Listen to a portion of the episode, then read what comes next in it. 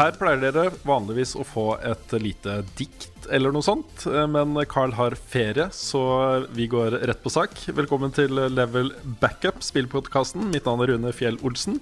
Eh, med meg har jeg som vanlig, ikke som vanlig, da, for jeg har hatt ferie i fire uker, men eh, Lars Håkon Storm Bakken. Hallo. Og så har vi en kjempespesiell gjest denne gangen, som vi har gleda oss fryktelig til å ha som gjest igjen i podkasten. Jon Cato Lorentzen. Takk for at jeg fikk komme tilbake inn i varmen. Ja. Nei, Det er veldig veldig morsomt. Og det er litt gøy, fordi du forlot jo på en måte spilljournalistikken eh, for en stund siden. Men eh, vi har jo hørt på deg i LOL-bua opp igjennom. Det, er, det har liksom Vi har fått beholde litt av den gode gamle Jon Cato gjennom det, da. så det har vært eh, veldig ålreit, altså. Ja, men Det er kjempehyggelig at dere følger med på Lolbua. Det er veldig morsomt å lage Lolbua. Det er veldig morsomt å lage Eller spillformidling er jo det vi, eller dere, driver med, ikke sant. Nå, eh, det er journalistikk, og det er anmeldelser, og det er kommentarer, og det er, det er formidling av ting og inntrykk og sånn rundt spill. Og det Jeg gjør jo det fortsatt, men det er litt annerledes å lage det nå som jeg står litt på andre sida. Nå er jo Ja. du en sånn CEO for et selskap. Hvor forenlig er det med nazivitser og fyllefester og sånne ting, Jon Cato? Det er eh, Altså Nå er det jo sånn at jeg kan, eh, jeg kan være den litt seriøse i Lolbua, hvor absurd det, det høres ut. Men jeg kan jo eh, Nei, man må jo Man har jo andre ting å tenke på når man har, et, eh, når man har ansvar. Men det er jo litt sånn som når du blir far, Rune. Da må man jo også revurdere en del rare valg man kanskje gjorde i ungdommen. Og man står kanskje ikke like fritt til å være like gæren før. Så, så med ansvar kommer eh, Ja, det, det, har en vekt med seg. Det har det. Akkurat som, eh, som onkelen til Spiderman sa. Ja, det er, eh, fra popkulturen har vi jo vår, vår oppdragelse. Nei da, men jeg har fortsatt mange sterke meninger om alt mulig. Det er ikke sånn at jeg må holde så mye tilbake. Men man trenger jo ikke å kaste seg inn i de mest potente eh, debattene eh, og politikk og alt mulig sånn. Men om spill og, og spillkultur og spillutvikling så har jeg jo fortsatt masse meninger. Jeg syns det er morsomt uh, i Lolbua når uh, hver gang liksom Lars kommer trekkende med et eller annet Hitler, og du liksom Ja, ro deg ned litt, grann, Lars. det er en sånn morsom, uh, morsom greie. Ja, nei, men det, det viktigste når man lager podkast, og det har vel dere òg merka, er jo at man må jo ha det litt gøy når man lager det sjøl. For hvis de som lager podkasten har det gøy, så merker lytterne det òg. og, og, og ja, det funker i hvert fall for oss. Mm. Vi skal, uh, skal jo som vanlig snakke om uh, hva vi har spilt i det siste, men jeg tenkte siden det er du som er gjest, Jon Cato, at vi kan starte med et spørsmål som vi har fått fra flere. men vi kan velge et fra Simon Gravold på Patrion. Som rett og slett spør hvordan det går med deg i Krillbite, og trives du med de nye arbeidsoppgavene dine? Ja, nei, det går uh, veldig bra med meg i Krillbite. Uh, nå har jeg vært der i uh, faktisk bitte litt over et år nå. Så nå, jeg, nå kan jeg ikke skylde på at det er en sånn stor omstilling og sånn lenger. Nå føler jeg at jeg har omstilt meg. Så det er jo det er mye administrative oppgaver, det er mye økonomi og litt andre ting. Jeg er jo du, du sa CEO i starten, men det er veldig sånn amerikansk fancy tittel som du får mye respekt når du bruker i USA, har jeg merka. Mens i Norge så pleier vi vel å si daglig leder. Det har kanskje ikke den samme schwungen, men, men jeg er jo en daglig leder. Så, så det, jeg driver jo med å drifte selskapet, så jeg er ikke så, så tett involvert i å, å bestemme hva vi skal lage og sånn, men jeg liksom tilrettelegger for, for mine ansatte som lager spillene, sånn at vi får til det vi ønsker å få til. Jeg trodde det hadde blitt mer og mer populært å liksom fjerne alle sånne sjefsroller, ja, for å liksom um, flytte liksom grensene litt for hvor uh, lett det er å ta kontakt med den som er overordna, eller osv. Så videre. sånn at du ikke har liksom en sjef her og en sjef der, som er liksom avdelingssjef, uh, sjef for ditten, sjef for datten. Jeg vet ikke. Er det, er det noe dere har tenkt på det, eller?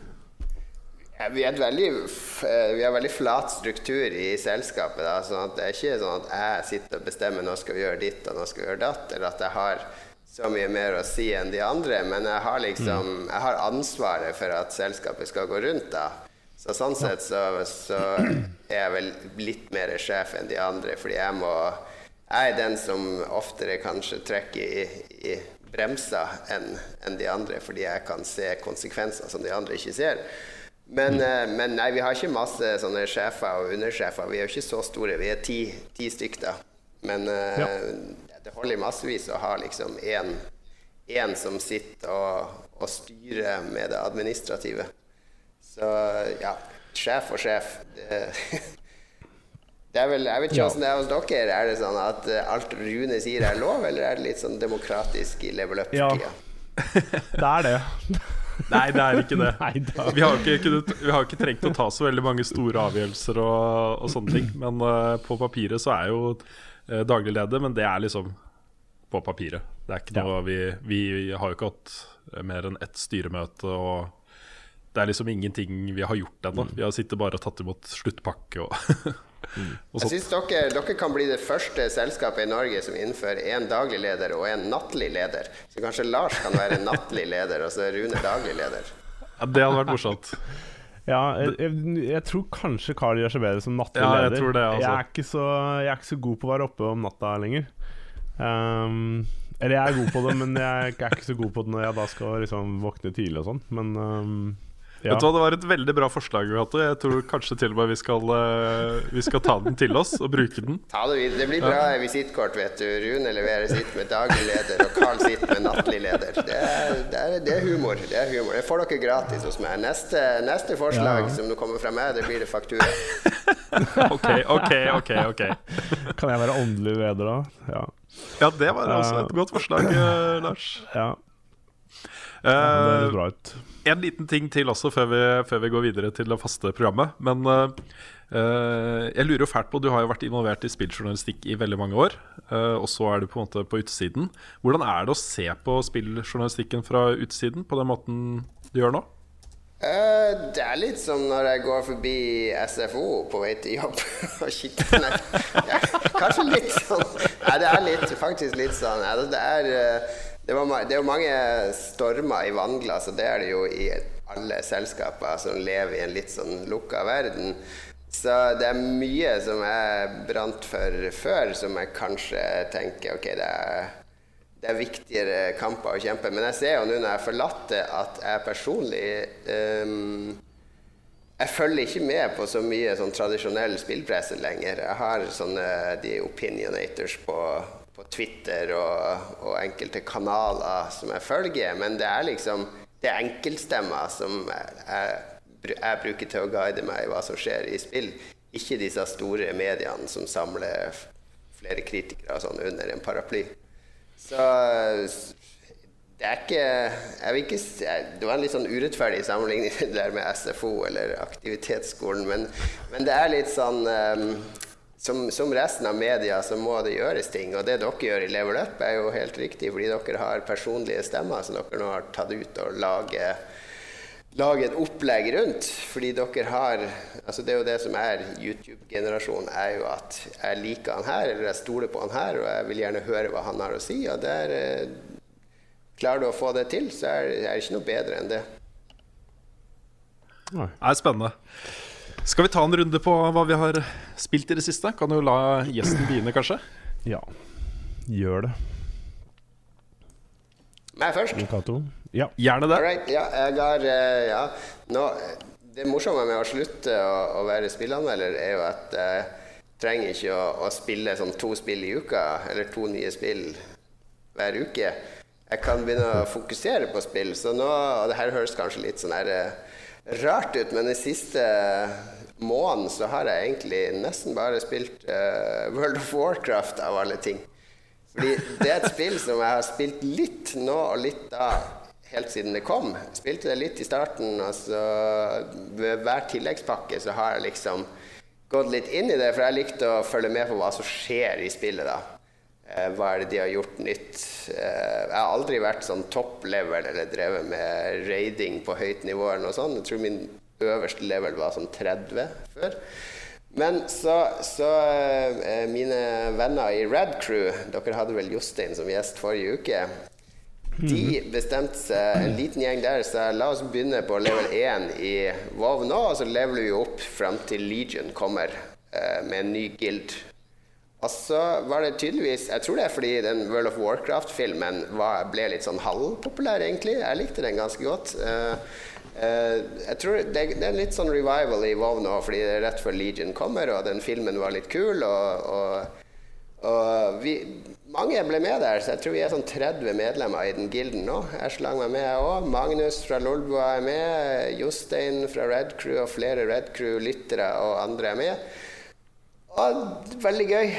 WoW har blitt uh, Alle gamle veteraner sier jo at det er blitt så strømlinjeforma og brukervennlig og, uh, og Carebear. Uh, og alt det der eh, kritikken der. Men jeg, jeg syns det er kjempegøy. Jeg koser meg stort. Eh, vi spiller på lag, tar dungeons i lag. Og det er avslappende.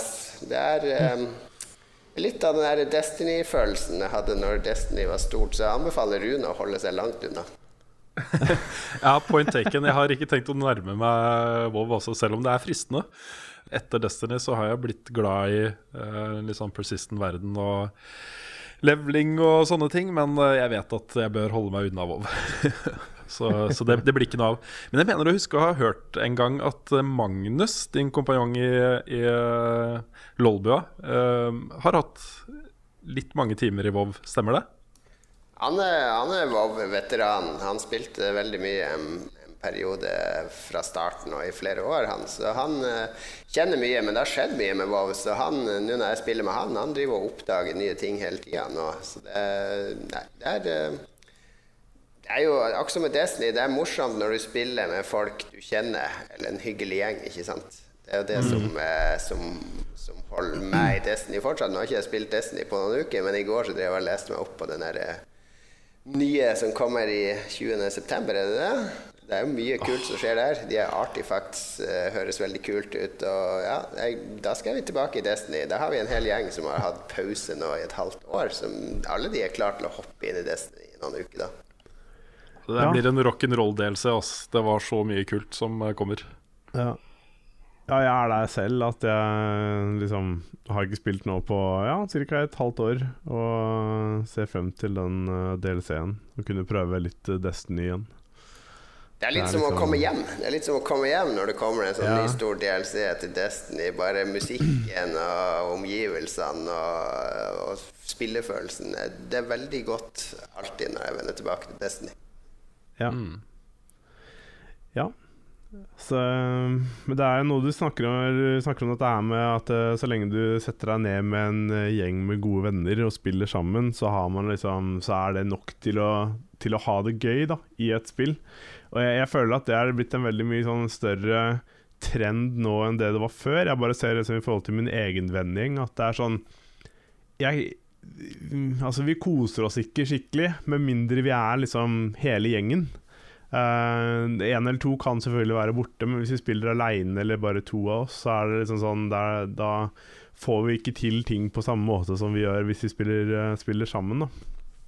Og det er, uh, det er blitt så avgjørende når man skal spille sosialt, liksom. Mm.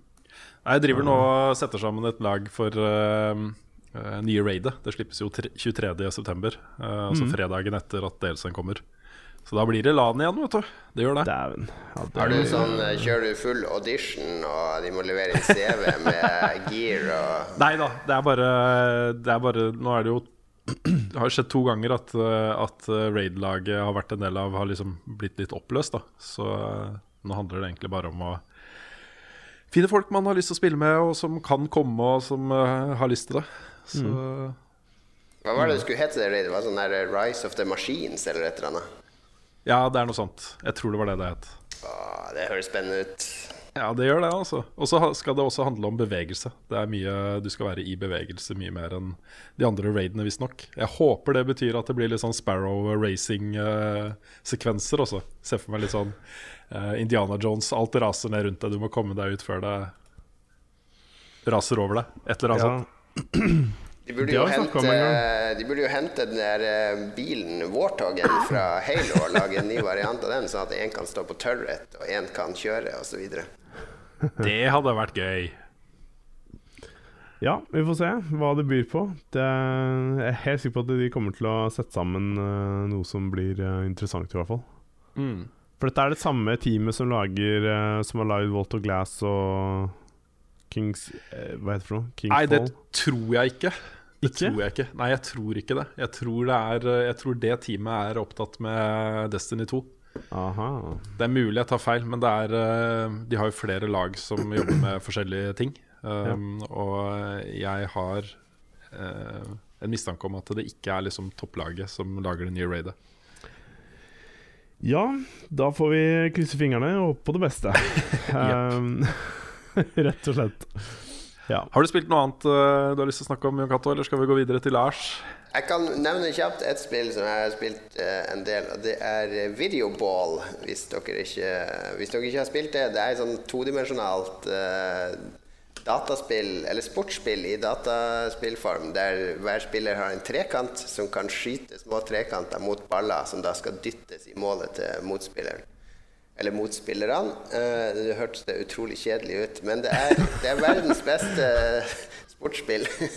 Uten tvil. Nei, det er helt, eh, et okay. helt genialt eh, sportsspill som er totalt abstrakt, fordi det representerer ikke noe virkelig sport. Det er et sportsspill som er laga som et digitalt sportsspill.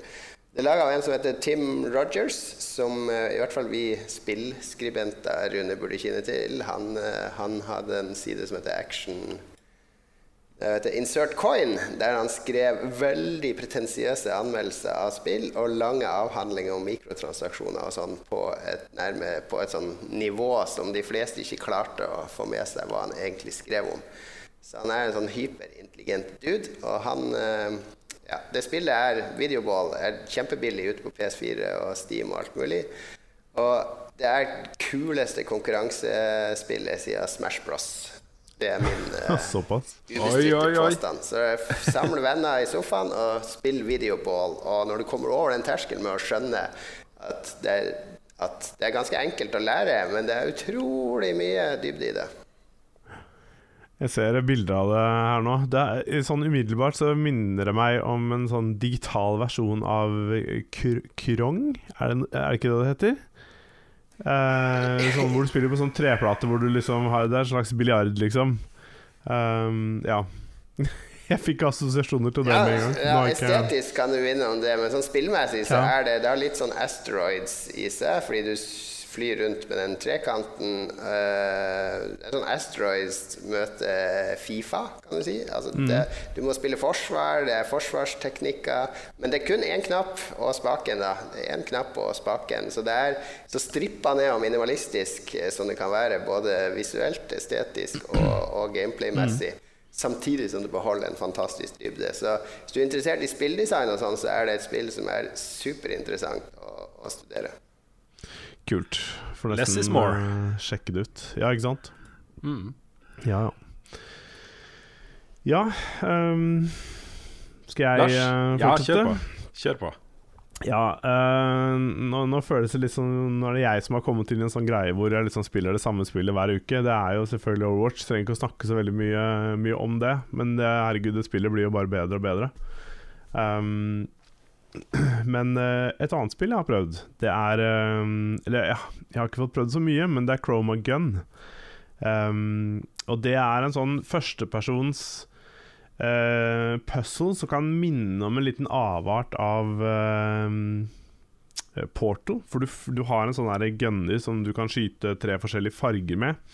Um, og de Du skal skyte farger på å fargelegge vegger og sånn, sånn at du skal tiltrekke deg noen sånne små droider, da, eller sånne mm, Ja, det er sånne mm, droider som er inni disse forskjellige testkamrene, som da kan tiltrekke seg, og så gjør de forskjellige ting. Så da må du blande farger og litt sånne ting. Så det er en slags sånn puzzle-greie, og du går rundt med sånn Ja, en fargeversjon av denne her portal-gunnen. Um, og det Det, det dukka opp bare sånn ut av det blå for meg. Um, det kom vel forrige dagen, tror jeg. Og det, det virker kjempespennende og bra. Jeg har ikke fått spilt det for mye, for jeg endte opp med å spille Absu i går isteden. Så Mm. Men jeg har prøvd det så vidt der, og det mm, Det skal jeg definitivt eh, spille mer av. Så jeg vet ikke om dere hadde hørt om det, men uh, Ja, jeg har hørt om det. Jeg hørte, det, Ja. og, hørte om det av deg i går. ja, ja, ikke sant? Um, ja, nei, men um, eh, det vil jeg i hvert fall ha sjekka ut. Um, Mm. utover det så er det Nytt for meg. Jeg skal definitivt sjekke det ut. Ja, det, jeg ville ha gjort det. Det, var, det har fått veldig positive um, eh, sånne brukeranmeldelser på Steam også. Very positive.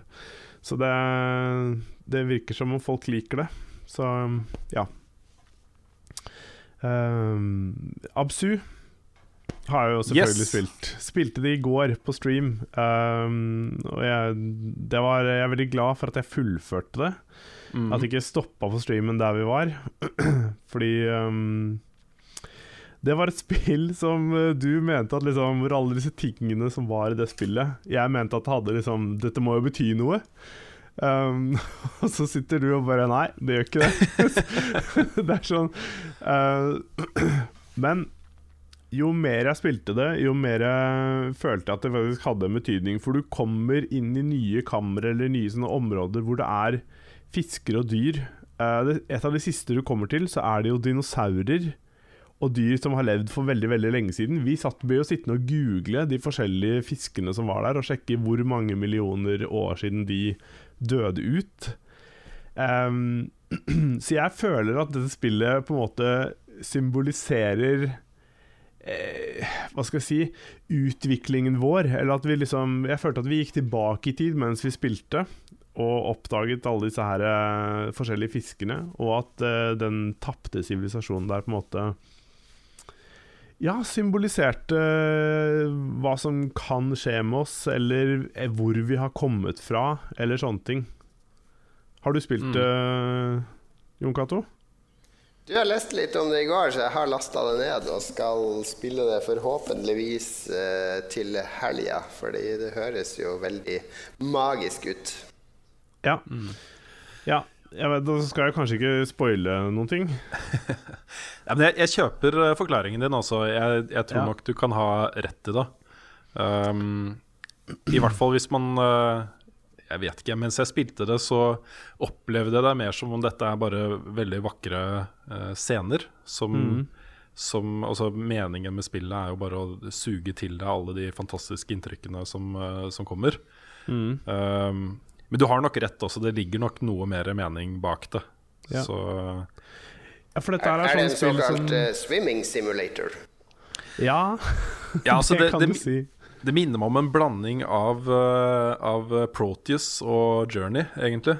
Hvor, eh, hvor eh, du er på en måte på en reise fra liksom, et punkt til et annet hele veien. En sånn sammenhengende reise, delt opp i forskjellige nivåer.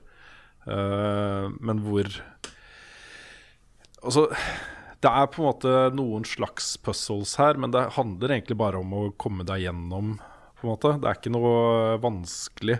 Du kan ikke dø. Det er ikke noe uh, Du blir ikke liksom eh, stilt tilbake til start eller eh, må prøve ting på nytt eller Mm. Du er bare hele tiden i bevegelse, da. Mm. Uh, så handler det mer om da hvordan miljøene reagerer på at du er der, uh, enn at du skal løse konkrete oppgaver. Ja. Så det var kanskje det som kanskje fikk meg til å uh, oppleve det mer som en sånn følelsesopplevelse uh, enn noe som man skal tolke så voldsomt. Ja, altså Ok, Jeg skal prøve å si det uten å spoile nøyaktig hva det er, men det skjer jo noe med karakteren din underveis. Og det er når det skjedde, det var da jeg liksom ble sånn herre Ok, det må jo være noe mer. Altså, hvorfor skjer det uten at det skal ha noe betydning? Ikke sant? Ehm, det er vanskelig å snakke om det uten at folk skjønner hva det er, men Ja, det, jeg må jo la folk få tid til å spille det, syns jeg. Ja. Så um, jeg, eh, jeg tror dette er et spill som er vel verdt å spille flere ganger. Um, og jeg begynte å spille det på nytt igjen med en gang, og kom i hvert fall halvveis um, Halvveis uh, gjennom det på nytt, rett etter at jeg var ferdig med det. Og det um, Jeg føler at jeg liksom bare kan gi en enda liksom større forståelse av hva de liksom prøver å fortelle her, da. Um, ja, det kan være like mye visuelle ting, uh, men det at du kan sitte og meditere og se liksom Og hoppe fra dyr til dyr, og se hva dyret heter. Og at de fokuserer så mye på disse svære dyrene og i det hele tatt. Jeg, jeg tror de på en måte Det er noe de har lyst til å prøve å fortelle oss i, i forhold til vår evolusjon, utvikling, hva vi, har, hva vi har tapt, hva vi har ødelagt, kanskje. E- Et eller annet i den duren. Jeg vet ikke helt, men um, Kanskje det er du som bør anmelde Absu, eh, Lars? vel, Der sitter jeg bare sånn Ja, ja greit, greit nok, men øh, Ja, altså Nei, jeg vet ikke. Um, for vi satt og følte liksom at det, var, at det var masse ting der. Og vi ble jo helt sånn Hva betyr dette her, liksom? Mens uh, Jeg vet ikke. Er det sånn spill, eh, er det sånn spill der, eh, der uh, eh, rusmidler vil eh, gjøre opplevelsen enda bedre? Jeg husker på 90-tallet så hadde når Wipeout kom, så var det en del som eksperimenterte med det, og alkohol f.eks. Nei, jeg, jeg vet ikke det. Det er en bitte liten sekvens der som, uh, hvor det er veldig litt sånn Ikke psykedelisk, men hvor, hvor det begynner å blinke litt mye på skjermen. Og da følte jeg litt sånn der Hvis du har ut, altså, Hvis du er tilbøyelig for epilepsianfall, så tror jeg kanskje ikke det var så lurt å se på. Um, men uh, bortsett fra det, jeg er ikke noen stor tilhenger av å blande de to. Det var bare I går så snubla jeg over en tråd på NeoGaf om en dude som hadde spilt Overwatch på LSD. Og det tenkte jeg det må wow. være noe av det verste Noe av det verste man kan gjøre, tenker jeg. Men ja, ja. Folk om folk. Ja, de får uh, styre på. Jeg um, tror jeg holder med å bruke um, hva skal jeg si, min egen fantasi til å, til å være høy på det, hvis det går an. Um, Det holder i massevis, Ja. bare du har god nok fantasi. ja. Høy på livet. Høy på livet. Yes. Nei da, men det um, Jeg ble veldig fascinert av Absu. Jeg, det er ikke et eh, ti av ti-spill. Uh, vet ikke om jeg, hva slags karakter jeg ville satt. Jeg syns det er utrolig vanskelig å anmelde et sånn type spill kontra å sette det opp mot f.eks. Overwatch. da For det er jo Altså det er jo dag og natt. Det er to helt forskjellige ting. I, i eh, Ja. I, på alle mulige måter, liksom, så representerer de forskjellige ting. Jeg synes jo en, en, en av de tingene som jeg syns er mest interessant med den type spill, um, det er jo at uh, altså Dette er jo et kortspill. Det tar ca. 90 minutter uh, å fullføre det. Eh, og så er det ve veldig fokusert på visuelle og audio, audiovisuelle uh, inntrykk. Og den type spill, verdiene i det, eh, vil være så forskjellig fra person til person, fordi uh, du eh, interna internaliserer det, på en måte. Altså det, du legger så mye av deg selv inn i opplevelsen. Eh, Ja. Det handler om refleksjon og meditasjon og, og sånne ting som, som kommer fra deg. Eh, og det var jo en av de grunnene til at jeg virkelig virkelig elska Proteus. Som jo det ikke skjer så mye i, annet enn uh, hva du velger å tenke på mens du spiller da Ja. Så, så det er nok et eh, vanskelig spill å bedømme. For det Det blir en er veldig eh, personlig opplevelse, ikke sant. Så det, Det det. blir vanskelig å generalisere. Med Overwatch så kan du generalisere opplevelsen mye mer. Du kan se på balanse Mm. og nivådesign og alt sånt, mens det blir mye vanskeligere her. Fordi vi spiller treff deg. Sånn som Protus òg, det traff meg kjempehardt. Fordi det, det var et sånt område der som minner meg om kirkegården der min far ligger begravd og sånn. Og alle lydene og hele opplevelsen ble veldig intens for meg da. Så, men det, jeg kan ikke forvente at andre skal ha den opplevelsen. Nei, ikke sant. Altså, det fikk oss til å sitte der og stille liksom, de store spørsmålene i livet, liksom. Bare hvor kommer vi fra, hvem er vi, liksom nesten hva er meningen med livet. Og jeg mener at det, når de tingene kom opp, så ble det veldig sånn Jeg, jeg følte at jeg ble påvirka av noe som var større enn meg selv. Uh, og jeg er veldig sånn Når jeg blir påvirka av noe som er større enn meg selv, så blir jeg veldig oppløfta av det. Og føler at det på en måte er um, er stort i seg selv, da. Så ja. Også Candy Crush eh, frembringer de spørsmålene etter fire timer av Candy Crush. og De, de fleste spør seg da hva faen gjør jeg med livet mitt? Ja, ja, ja, ja, ja. Kanskje på et litt Ja, ja. Kanskje på et litt annet nivå, ja. Um, ja. Heller de finner ut at de har råd til å bare kjøpe seg videre. Og slippe å bruke mer tid på samme nivå. Ja, Hmm. ja men jeg syns absolutt verdt å utforske. Um, jeg um, Ja. håper at de som spiller det, får noe ut av det. Jeg fikk i hvert fall mye ut av det. Så Ja, det, det henvender seg jo til, eh, til de som er glad i, i sånne spill. Um, mm. det er nok mange som uh, har gode minner fra Journey, som uh, plukker det opp egentlig utelukkende av den grunn. Det er jo art directoren fra Journey som står bak dette spillet her. Ja. Så det har nok sitt publikum. Ja, ja absolutt. Hva skulle du si, Jon Cato? Nei, spennende var det jeg prøvde å si. Å ja, ok. Jeg Ja, jeg. Rune igjen. Ja. Yes! Kjør Ja, på, Rune. eh, nei, jeg har jo da spilt Abzu, eh, men jeg har jo vært på ferie nå i, eh, i sommer. Um, Og i de to ukene jeg var i Japan, så, så spilte jeg ikke. Da var det jo familieting egentlig hele tiden. Det eneste jeg spilte, i anførselstegn, var Pokémon Go. Som Ja. egentlig bare var fordi eh, når vi eh, hadde lagt ungene, så sto telefonen på. Uh, midt i et sånt triangel av tre pokestops med lures. så det var sånn jeg spilte Pokémon Go, da. Riktig. og så fikk jeg fullført uh, endelig. Jeg har spilt det før, men ikke helt gjennom. Eh, Monument Valley på, på iPhone. Ja. Og Det var jo et spill jeg var veldig glad i, men som ble lagt bort av en eller annen grunn. Og så har det jo kommet to DLC-er til den, og sånne ting. Så det var et spill som jeg var glad for at jeg fikk fullført. For det er, det er helt nydelig. Det er fantastisk ja. bra spill, altså. Men før jeg tok ferie, eh, eller før jeg dro til Japan, så hadde jeg også ferie. Og det var litt rart, fordi eh, hver sommer så pleier det liksom å være ett spill som blir eh, sommerspillet, det man bruker tid på og sånt. Og da er det gjerne ting man trekker fram som man ikke har fått, fått fullført tidligere i året. Mm. Og mitt sommerspill ble faktisk Trials Fusion, og det ble jeg litt overraska over. Oi. Så, Gode gamle. Gode gamle, fordi, fordi eh, jeg spilte jo Trials of the Blood Dragon og var sånn semi-fornøyd med det. Det jeg likte best med det, var jo de banene som minte meg om eh, de beste banene i Trials Fusion. Eh, Så da fikk jeg litt den sulten da, etter å oppleve det igjen. Og det var kjempegøy å starte det, for da rant det inn Jeg hadde jo Season Pass, men ikke spilt noen av de tingene som har kommet. Det bare rant det inn ene utvidelsespakken etter den andre. Så det var jo 30-40 nye baner og eh, masse kult. da så, så det var kjempegøy å sette meg ned med igjen, altså.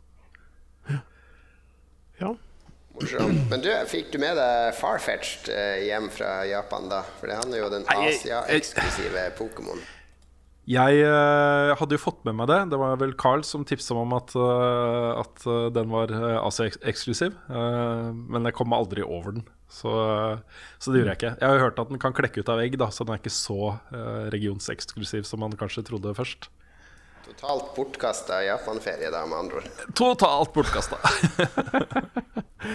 ja, ja.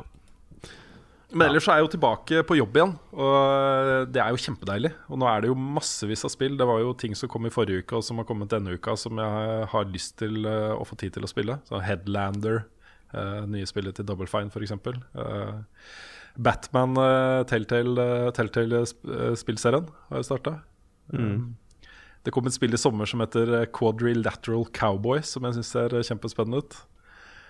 Uh, et spill på Early Access på Steam som heter Absolver. Et fighting-spill uh, med rollespillelementer som ser veldig spennende ut. Men så kommer da No Man's Sky. Eh, Vi får det kanskje i dag eller i morgen. Eh, senest på mandag-tirsdag. Så mm. det spørs hvor mye jeg får tid til før det skal fortæres, Ja. egentlig. Ja. Det har jo vært i vinden i det siste. Det er jo den Det de, de, de, debatteres jo nå om den Reddit-tråden om No Man's Sky er større enn selve spillet. ja. Ja, jeg har prøvd å ikke få med meg altfor mye av, eh, av eh, Man kan vel kanskje kalle det en lekkasje, selv om det eh, jo er en fyr da, som har kjøpt et lovlig eksemplar, mer eller mindre lovlig eksemplar av spillet på eBay for 1250 dollar. Og øst ut av sine erfaringer med spillet. Så det folk reagerer på, er vel at han har kommet seg til kjernen av universet på 30 timer. Eh, Ja, det, han har også en del ting å utsette på spillet, noe med balanse og andre ting. Men jeg har fulgt litt med i den tråden, fordi vi, altså nå når jeg skal lage og gi ut spill, så må man være veldig bevisst på hva slags bilder man lager av spillet for, for potensielle kjøpere. da. Fordi du vil jo gjerne generere uh, litt spenning og interesse rundt spillet, og, og det vi kanskje kaller hype. Altså at folk eh, vil følge med på spillet og, og, kjøpe det når det kommer. ikke sant? Men det er også en sånn balansegang, fordi No Man's Sky tror jeg jeg tror når Shan og, og, og, den gjengen hans begynte å lage det spillet, at de hadde ikke noe visjoner om hvor stort det ville bli takket være at Sony ga det såpass mye fokus, og at de traff tydeligvis en nerve hos folk med de presentasjonene de har hatt. Så hos mange spillere så tror jeg det spillet har blitt sånn her uh, Ja, altså Som Jesus Kristus sjøl skal komme inn i PlayStation deres og, og gi dem en mening med livet. Så, så, når hypen når et sånt nivå, så er den egentlig utenfor kontroll for deg som utvikler. Da. Og da kan du aldri innfri de skyhøye forventningene som folk har laga for seg sjøl. Så det er det som, som No Man's Sky lider av. Så, så, går du inn i det med lave forventninger, så tror jeg nok at det blir et bra spill. Men jeg har ikke spilt det ennå sjøl. Det er, litt sånn jeg tenker, det er litt sånn jeg tenker også. Jeg prøver å holde mine egne forventninger til det spillet uh, lave. Jeg har liksom ikke ville vite så mye om det på forhånd. Uh, så selv når det har vært lange sånne avhandlinger etter etere og sånne ting med intervjuer, og det har kommet fram en del detaljer, så har jeg valgt å ikke studere det så nøye. da Ikke lese det. Kanskje fått meg bare noen punkter uh, av det. Fordi jeg har lyst til å utforske det universet der selv. og jeg tror det som skjer nå, er jo at, at Sean Murray blir jo arrestert på ting han har sagt i intervjuer. ikke sant? Om hvor langt det skal være, og hvor lang tid det vil ta. og uh, sånne mm. ting. Det blir veldig sånn detaljfokusert på hva folk forventer av spillet, kontra hva det kanskje egentlig er. da. Ja, det, og det er veldig farlig, fordi som, som, utvikler så vil vi jo gjerne være ærlige når vi snakker med folk, eh, både spillere og presse, om hva vi forventer og sånne ting. Men samtidig altså, de plukker frem sånn intervjuer gjort for to år siden. Jeg kan si mm. så mye som at et spill som lanseres i dag, det utvikleren trodde for to år siden Det er masse kommer til å skje i løpet av de to årene som kan gjøre at man må endre ting og, og ta nye avgjørelser. Det er ingenting som er hugd i stein. Det er ingen spill som ser ut sånn som de ble designa opprinnelig når de er ferdig. Så, mm. så det, å, det, er sånn farlig bakside ved å være for ærlig overfor fansen over hele mm. utviklingsperioden. Fordi hvis fansen blir skikkelig skikkelig, skikkelig gira på spillet ditt, så kommer de til å arrestere deg på alt som du var ærlig om før, og alt som du delte med hva du hadde lyst til å få til, og hva vi kommer til å gjøre sånn her. Og så nei, vi, vi klarte det ikke allikevel, så vi må gjøre sånn her i stedet for. Så ja, det er, det er veldig, det er veldig morsomt, eller ikke morsomt, men det er veldig interessant å, å bruke No Man's Sky som en sånn case study da, på, på hvordan man skal uh, eller faren ved å kommunisere for åpent og, og dele for mye. Vi skal ta noen nyhetssaker, og eh, apropos spill og forventninger, så har nå nylig eh, daglig leder i Krillbite gått ut med masse ferske detaljer om eh, mosaikk. Ja. Vær så god yes, sir. Nei, vi har uh, Vi jobber hardt med det. Det blir over én uh, trilliard uh, randomgenererte kontorbygninger i mosaikk, kan jeg love. Nei da, det, det, er uh, Vi har ikke så mye mellom mosaikk ennå. Vi, vi kommer ikke til å vise det fram på et par måneder, men kanskje før jul. Da skal i hvert fall dere få høre det først. Ja, Det er bra. Jeg gleder meg veldig til det. Og det også, jeg, ser jo at uh, Dpad begynner å for alvor bli klare til å uh, faktisk slippe Owlboy. Så, uh, så, det også blir kjempespennende nå i høst. Og så kommer jo også um, dette spillet til Snowcastle uh, 1.9. Så plutselig så er det liksom svære norske ting nå i høst. da Så det blir kjempegøy å følge med på. Også. Ja, det er veldig mye norsk på gang nå. og Både Earthlock har jeg spilt litt, det er veldig lovende. Og Oldboy har jeg også spilt litt. Det er jo, Alle vet jo hva Oldboy er. Det er superspennende. Så det, går, det blir kanskje en litt sånn forløsende høst, tror jeg, med, med, noen skikkelig svære norske spill. Og ikke minst Drømmefall var jo nettopp ferdig, og Redfred har en masse spennende spill på gang. Mm, ja, det har de absolutt. Greit, vi tar noen kjappe nyhetssaker. Du har ikke så mye tid igjen før du må gå, Jon Cato, så vi skal prøve å komme til spørsmålene litt kjapt. Um, Første saken er Jeg hadde jo forventa at uh, Inside, det nye spillet til uh, disse danskene bak uh, Limbo, skulle, det skulle ta i hvert fall et år før det kom ut på PlayStation 4, sånn som tilfellet var med Limbo. men nå kommer det allerede 23.8. Ja. Ja, det er Det var også mye kjappere enn det jeg trodde det skulle komme. Nå har jeg spilt det på PC, da, men mm. ja det, det, er bra da for de som på en måte har en PS4 og uh, har sett fram til å spille det spillet, og får muligheten til å gjøre det ganske snart. For det var et stykke surrealistisk slash fantastisk spill. um, ja. ja, det er mitt game of the year så langt, altså. Det, ja, det er det. Ja, det er faktisk det. Det er veldig bra ja. spill. Jeg, men jeg ser ikke noen grunn til at de skal vente noe lenger med å gi det ut. Jeg vet ikke hva som har ligget i den avtalen med Microsoft egentlig? For jeg, jeg føler vel ikke at Microsoft Eller har dere sett masse reklame eller promotering fra Microsoft for, for, det spillet? Jeg føler det gikk litt sånn under radaren for hele Microsoft etter E3.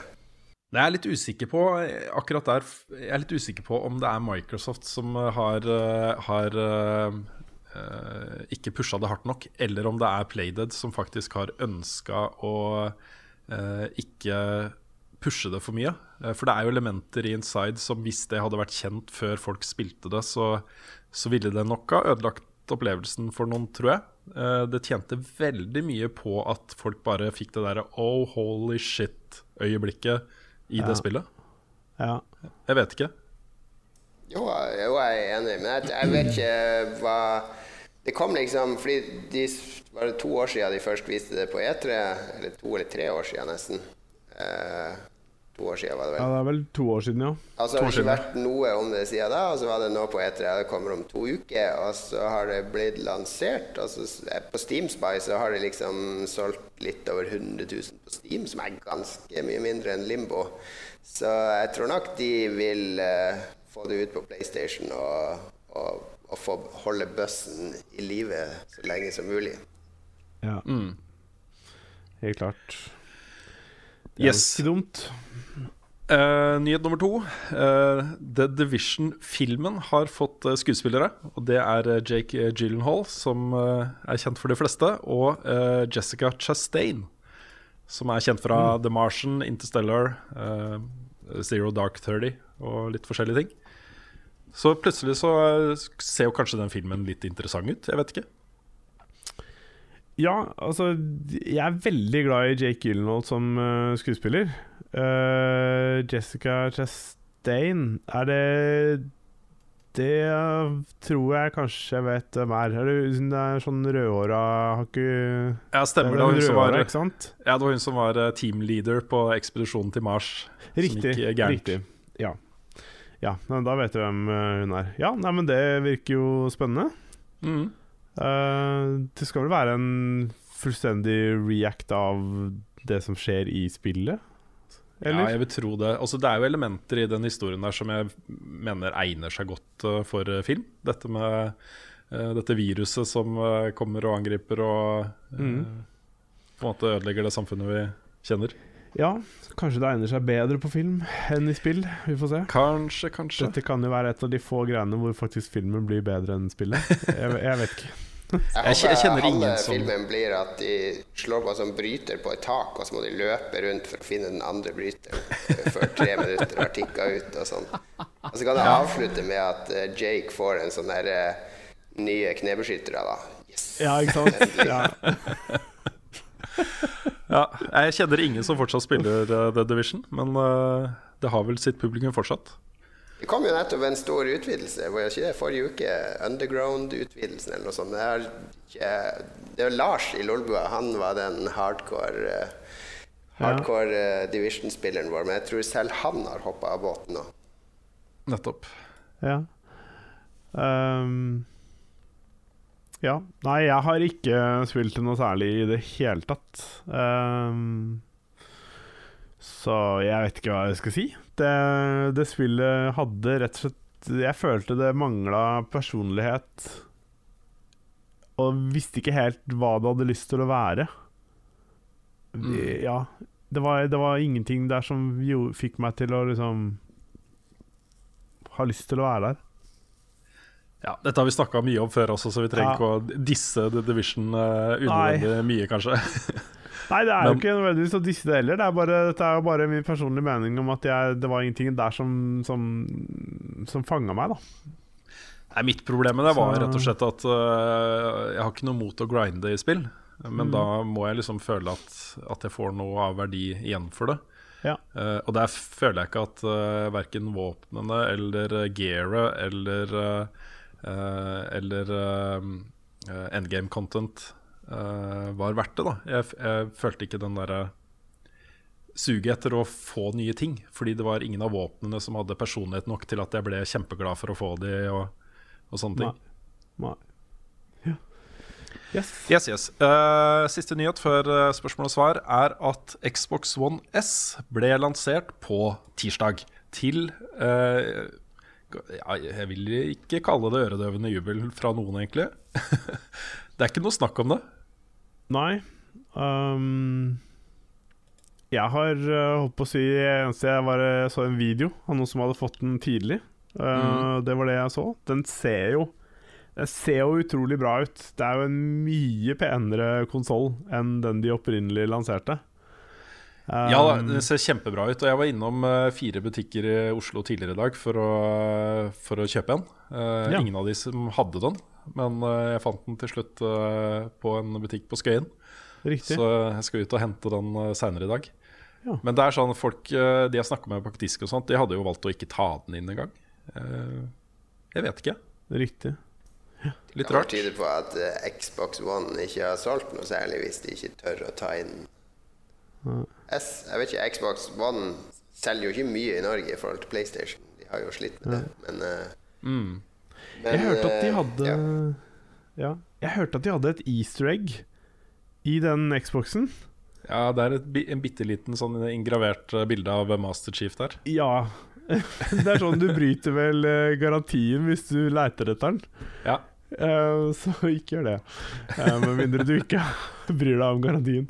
Um, ja, det er litt kult, da.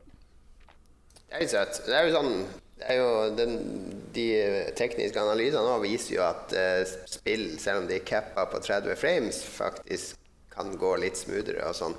Så det er jo faktisk en bitte, bitte liten performance upgrade. Men eh, jeg, jeg føler vel at Microsoft ikke helt har klart å kommunisere hvorfor folk skal kjøpe den maskinen når de står og vifter med en sånn Scorpio-gulrot eh, rundt hjørnet. Nei, For det, for det er jo Det er, jo, det er virkelig det, det som er utfordringen. For det kommer jo en ny Xbox allerede neste år. Eh, når folk kjøper en ny konsoll, så er jo det med en forventning om at denne skal eh, vare en stund. Um, ikke bare ett år. Det er en sånn veldig midlertidig ting, da. Så eh, Ja. jeg, vet, jeg vet ikke. Spørs hva den vil koste. Kanskje når den kommer og blir kostende 6000-7000 kroner, at folk kjøper S-en da. Jeg vet ikke. Ja, det er mulig. Ja, altså, hvis den blir kostende så mye, det jeg vet ikke, men jeg har bare en følelse at den kanskje kan bli litt dyr, da. Jeg tror Scorpio blir over 6000. Det, det tipper jeg.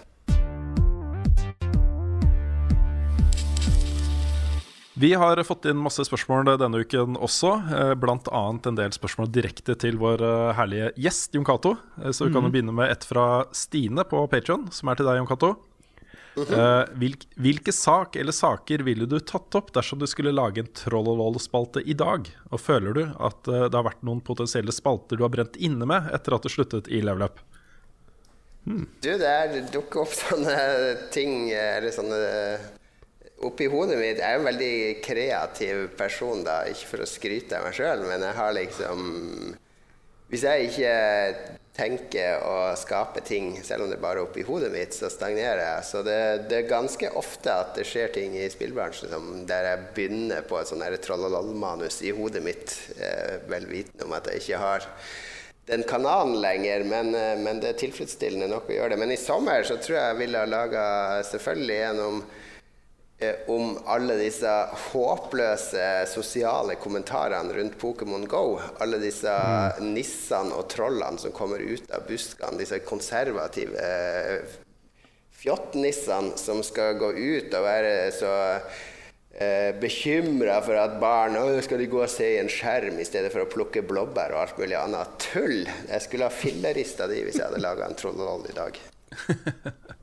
Det er litt morsomt hver gang man skriver om uh, spill uh, eller har liksom saker med kommentarfelt i riksmediene, så dukker det alltid opp, uansett hva man uh, skriver om spill. Så har det alltid i alle år dukket opp en eller annen bare 'Kom dere ut i naturen og få dere et liv'-type kommentarer. da ja.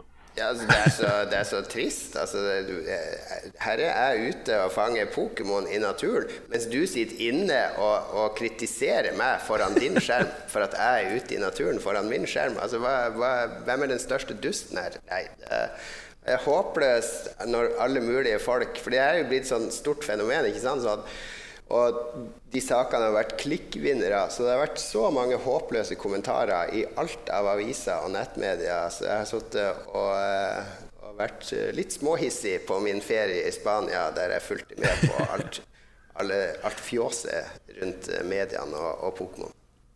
Ja, vi kan gå rett videre til et uh, veldig relevant spørsmål uh, på det også, fra Henning R. Uh, han spør hvordan synes dere at mainstream media har dekket Pokémon GO? Uh, så i parentes, Er dere lei spillnerd går utendørs frivillig-sakene, eller er dere begeistret over at ytringer i Aftenposten plutselig handler om spill igjen? Altså, det er, jo, det er jo veldig interessant å se når tre av toppsakene på VG nett plutselig er om Pokémon GO.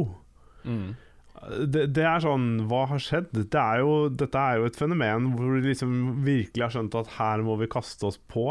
Uh, og det føler jeg liksom alle nyhetsmedier på en måte har gjort. da mm. um, Hvorvidt alle disse sakene har vært fornuftige eller ikke, det er en annen sak. Jeg føler kanskje det har vært mer sånn Her må vi gjøre ting bare for å dekke det. Uh, enn hvor nødvendigvis hvor bra innholdet har vært. Mm. Vi vet jo åssen de fungerer. Altså det som trekker trafikk, det skriver man mer om. Og de Pokémon GO-sakene har dratt mye trafikk, det er jeg overbevist om. Men, mm. uh, men, det er jo fenomenet mainstream har skrevet om, ikke så mye om spillet. Og noen har jo vært ute med guider og alt mulig, men det har jo vært en sånn desperasjon etter å lage en ny Pokémon GO-sak hver dag, har jeg nesten inntrykk av i agurktida her. Mm. Ja, det... Jeg er enig i det også. Jeg, jeg, jeg uh, begynner å bli litt lei av å lese om det uh, i mediene. Det er litt sånn uh, Justin Bieber over det. Ja, at, nettopp, ja enig. Og så er jeg litt lei av den vinklinga, spesielt i starten med sånn herre Ja, dataspillere de sitter gjerne inne i det mørk kjellerstue, og nå er de endelig ute i solen, ja, og alt det der fjåset der. Følg med i tida, da. Det er ikke sånn det fungerer i det hele tatt. Mm. Det, det, som jeg har savna litt, da, og det var jo en tråd som uh, Per Christian Bjørkeng tok opp i Aftenposten her om dagen, i går eller foregårs, uh, det er jo Altså, det Jeg er ikke så interessert i Pokémon Go i seg selv. Jeg, jeg, så Jeg spiller det ikke så mye og er ikke sånn Jeg føler ikke noe sterkt behov for å komme opp i levels der og sånne ting. Men det, det spillet har gjort med samfunnet, syns jeg er kjempeinteressant. Hvor du plutselig har fått utrolig mange mennesker som har fått et sånt fantasiskall over virkeligheten. Mm. På veldig basic nivå. Det er ikke så veldig avansert. Uh, men det sier noe om det samfunnet vi er på vei mot. og det skulle jeg gjerne sett mer om. mer saker om hvor AR går i fremtiden, og hva slags implikasjoner det har på samfunnet vårt. da ja, det er jeg enig i. Det er Per Christian Bjørkeng i Aftenposten var, er vel den eneste som har prøvd å skrive en sånn sak som, som faktisk har sett litt på, på, teknologien og hva vi kan forvente oss, og hva vi kanskje bør være redd for. Men jeg, jeg, jeg er litt sånn neofil, så jeg bare bring it. Gi meg sånne implantat på øya, så, så, alt blir rosa. jeg, jeg, er der jeg kan gjerne være betatester for noe sånt. Ja, ja, ja, samme her. Også, I den dagen du kan uh, jacke inn et eller annet på sentralnervesystemet ditt, som i The Matrix, så er jeg først i køen, altså. oi, oi. Ja, Nei, men jeg, jeg syns det er spennende, for det kommer jo nå eh, nye generasjoner av eh, disse Google Glasses. ikke sant? Briller med AR-informasjon uh, rett på, på øyet. Og også kontaktlinser, som jo gjør det enda mer avansert. Mm. Og så ser du jo nå ikke sant, Suksessen til Pokémon GO gjør at det sitter nå tusenvis av selskaper over hele verden og prøver å finne ut hvordan de kan cashe inn på den suksessen. Og ut av det så kommer det til å komme utrolig mye spennende. Og, og mye rart og mye fælt, men også mye bra. Så, Men jeg tror det blir mest bra, da. Altså, Nå når jeg sitter på kontoret mitt her på Hamar, så er toglinja rett utfor, og togstasjonen er tre minutter bort. Jeg hadde jo gjerne hatt noe sånt på øynene, sånn hver gang jeg kikker ut vinduet på togskinnene, så teller det ned til når neste tog til Oslo kommer, f.eks. Bare sånn klokke som svever over togskinnene, som jeg kunne lagt inn der. Det hadde vært ypperlig. Altså, gi meg AR. Jeg vil ha mer AR nå. Mm. Det er mange som nå mener at, eh, at, eh, AR eh, vil bli mye større enn det VR noen gang kommer til å bli. Mm. Og det er jo en, en, spennende og interessant utvikling å følge med på. Mm. Ja. Jeg har bare som en, en, en, liten tilleggsinfo Så har jeg snakka litt med Ragnar Tørnquist uh, om å være med i podkasten her en gang i august for å snakke om disse tingene. Så vi kommer nok tilbake til, uh, til dette her. Jeg husker jeg hadde en lang prat med han for en del år siden hvor han uh, på en måte forutså litt uh, Pokémon Go-suksessen. Og uh, vi, vi snakka mye sånn rundt dette med VR og MMO og AR og sånne ting. Så det har vært interessant å gjøre en skikkelig diskusjon på det. Hmm. Yes. Greit. Har du et spørsmål? Det har jeg. James Remo Walker spør jo rett ut Jon Cato om du savner å jobbe i level up. Jo, jeg, jeg savner den, den, ukentlige dialogen som jeg fortrinnsvis hadde med, med, Rune, og det å ha et sånn outlet og være en del av noe som var veldig kult, og som fortsatt er kult, misforstå meg rett, men, men det var, var, veldig bra miljø i Level Up, så akkurat den biten savner jeg. Men samtidig så er jeg nå i en helt ny verden, da, som er jeg, jeg kan ikke gå tilbake, for å si det sånn. Jeg kan aldri det blir vanskelig å vende tilbake når du først har vært, vært inne på denne sida av bransjen, syns jeg. Fordi nå, nå, Ja, det er her det skjer, for å si det sånn. ja. Ja. Jeg ser den. Um, for, for, å, for, å, si det sånn. Um, skal vi se Jeg tenker litt på Hvis vi kan, Jeg kan snakke bitte litt til om det, fordi vi kjenner ja. til han J. Michael Strasinski. Eh, han, eh, det var han som lagde den TV-serien Babylon 5 på 90-tallet. Ja. ja. for Han var opprinnelig eh, eh, journalist og kritiker, og så begynte han å lage eh, tegnefilmmanus. Og så begynte han å lage TV-seriemanus, og så begynte han å skrive manus til tegneserier. Eh, og, og han var sånn at Hvert tiende år så han skifta hva han gjør, da og da lukka han døra til det han gjorde før. Så nå er han ferdig med TV, nå er jeg ferdig med med tegneserier, ditt og datt. Eh, alltid beveget seg fremover. Så jeg føler Jeg leste om han i går, fordi hans filosofi det er litt, det er litt fin, tror jeg. Altså Hvis du skal gjøre det samme i 50 år, kanskje er det bedre å gjøre sånn tre-fire ulike ting i livet ditt. Mm. Det, er ikke noe, det er ikke noe kritikk av, av alle som trives med det de gjør, men, men jeg føler kanskje at, eh, at, eh, det å fornye seg og kaste seg ut i noe helt nytt kan være veldig sunt. Mm. Ja. Jeg føler meg litt truffet av det. Eh, jeg har jo vært i VG lenge og dekt spill veldig lenge. For min del så blir det store skiftet blir å gå over til video fra tekst. Jeg har liksom alltid vært en penn- og papirjournalist, liksom. Eh, tastaturjournalist. Mm. det å begynne å lage video har vært et sånt skifte for meg. Men det er jo ikke voldsomt stort skifte, da. Så eh, jeg kikker jo litt på sånn Kieran Gillen, f.eks., som jo er en av tidenes mest innflytelsesrike og beste spillkritikere. Uh, og så Lee, Lee, Alexander, som har forlatt spillkritikken. Uh, det er jo interessant å se uh, flinke folk gå videre til nye jaktområder, på en måte. Så Mm. Ja, nei, Neste steget mitt er om, om ti år så skal, det blir det småbruk her oppe på Hedmark. Det skal bli eh, økologisk eh, selvforsynt bonde. Selvforsynt bonde, ja. ok. Ja, Nei, men det er jo ikke, er ikke dumt, det. Økologisk eh, jordbruk og allting. Det kommer jo mer og mer i vinden, så det er bare å kjøre på. Mm. Så ja. Uh, ja. Eh, jeg har et uh, Et spørsmål her fra uh, Skal vi se fra Kurt Arne Strømmen. Jon Cato, når kommer neste Sidbua? Hører gjerne mer av det. Og i snakket om den kommende Mini-NES, hva tror dere om Retrobits Generations-konsollen? Her blir det nok mange gode minner for tilhengere av 80- og 90-talls spilleautomater. Uh, ja. Det vil nok ikke gå ut til så mange som Mini-NES vil gjøre, men funker dette, så fortjener den virkelig sin plass, synes jeg, for her er det mye gull. Ja. Den konsollen er ukjent for meg, men For meg òg. eh, Kanskje du vet noe om Jon Cato? Uh, det, var litt ukjent for meg, men jeg kan svare på Han, Ja. han, han spurte etter Sidbua først, gjorde ikke han det? Fordi Ja, det, det var det han spurte når det neste Sidbua Du skulle stoppa deg Lars. Du måtte bare Ikke sant? Du, det, Ha- hold det inni deg. Hold det inni deg. For de som ikke vet, så Sidbua er et sånn sideprosjekt jeg har i Lolbua, der jeg lager helt alene en podkast om spillmusikk. Eh, Ja. Med litt dybdeinfo og sånn. Så, så er faktisk manus til episode to er ferdig, så den kommer Hvis alt går etter planen, så kommer den til helga allerede. Nå vet ikke jeg når denne podkasten er ute, men uh, kanskje samtidig med denne podkasten. Nice. Kult. Ja.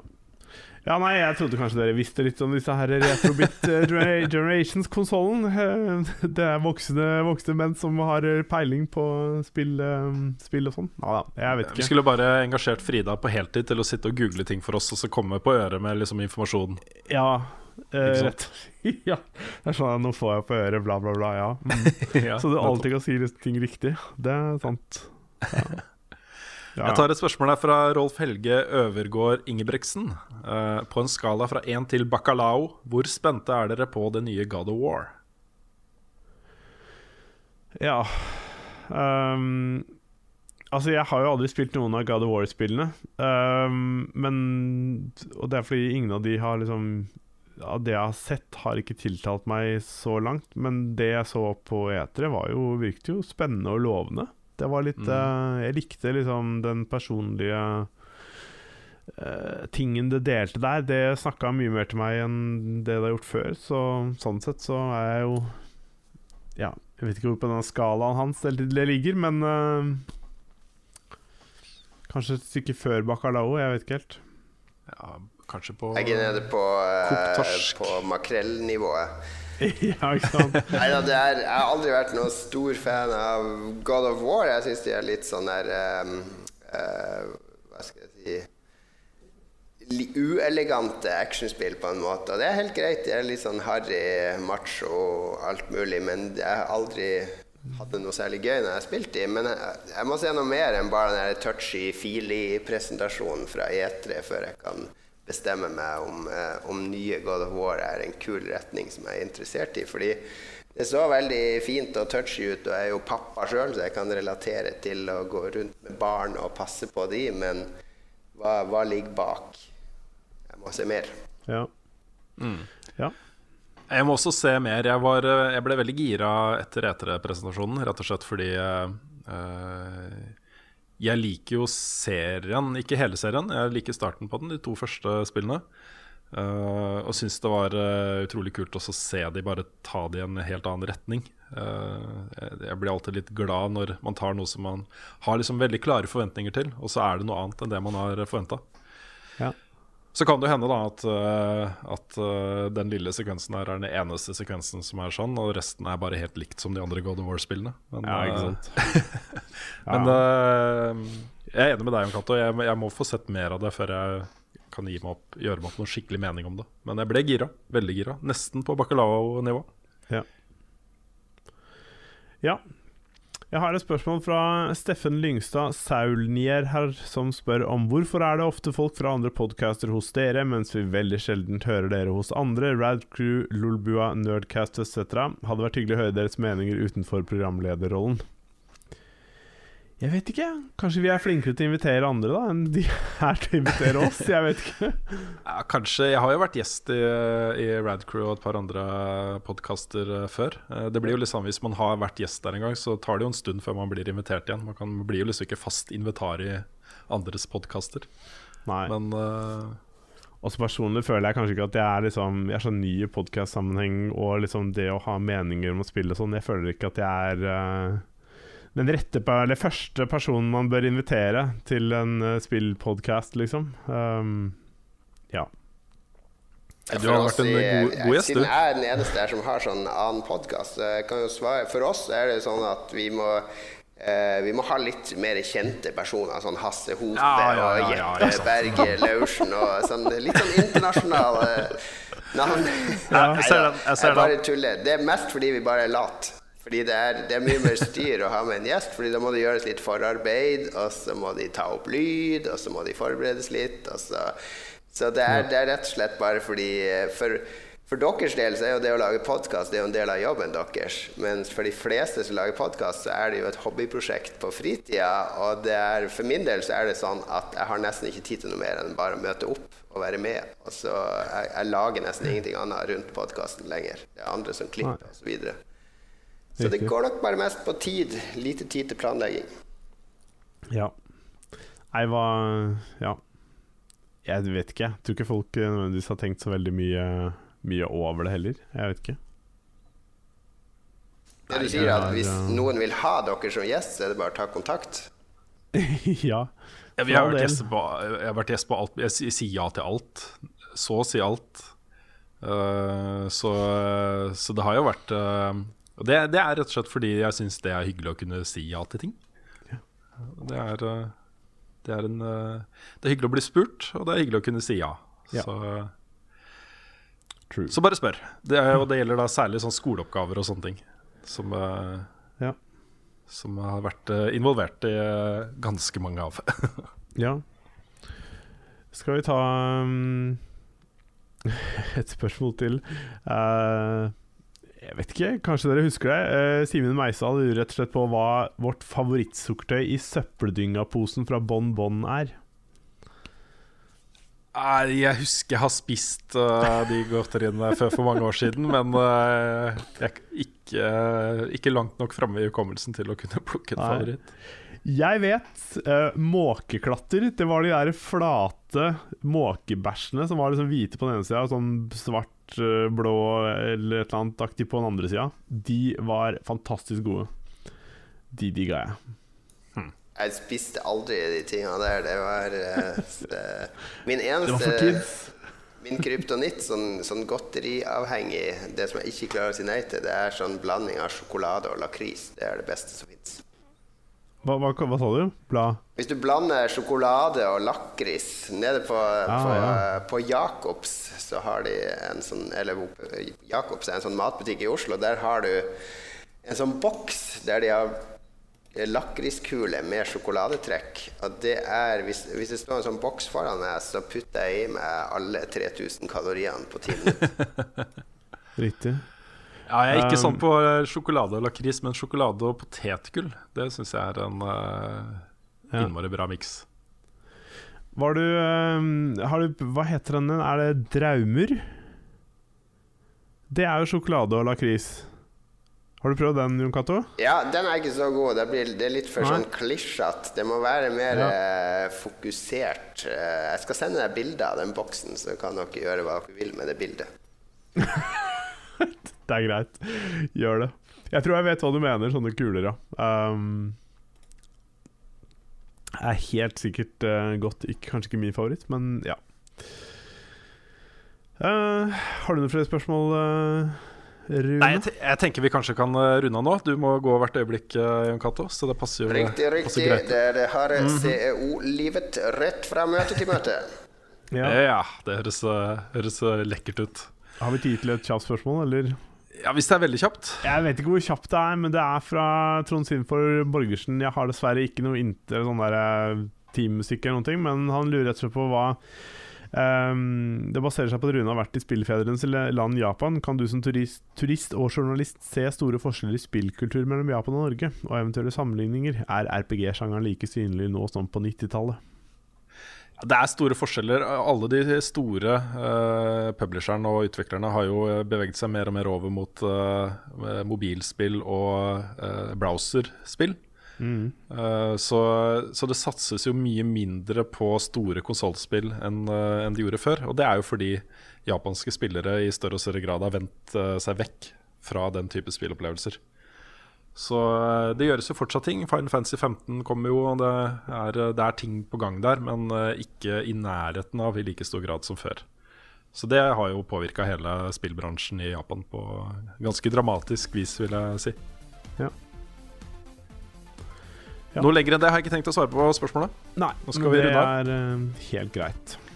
Tusen eh, takk til deg, Jon Cato, som gadd å stille opp eh, med dine gamle kollegaer på podkast. Takk for at jeg fikk koselig. komme. Det er bare å spørre eh, når det, når det trengs. Greit, da er du tilbake neste uke. Neste Tusen takk uke til alle det som- Øyafestival, så da, da må Ja, vi det ta er opp på Ja. Ja, det er sant. Ja. Det er sant. Eh, tusen takk til alle som har hørt på, og tusen takk til alle som støtter oss på Patron. Det er eh, fantastisk at dere gjør det. Um, Carl har jo pleid å ha sånn spillsitat eh, på slutten av eh, podkastene. Kanskje jeg skal prøve meg på et? Ja, kjør på. Snake, Snake, Snake!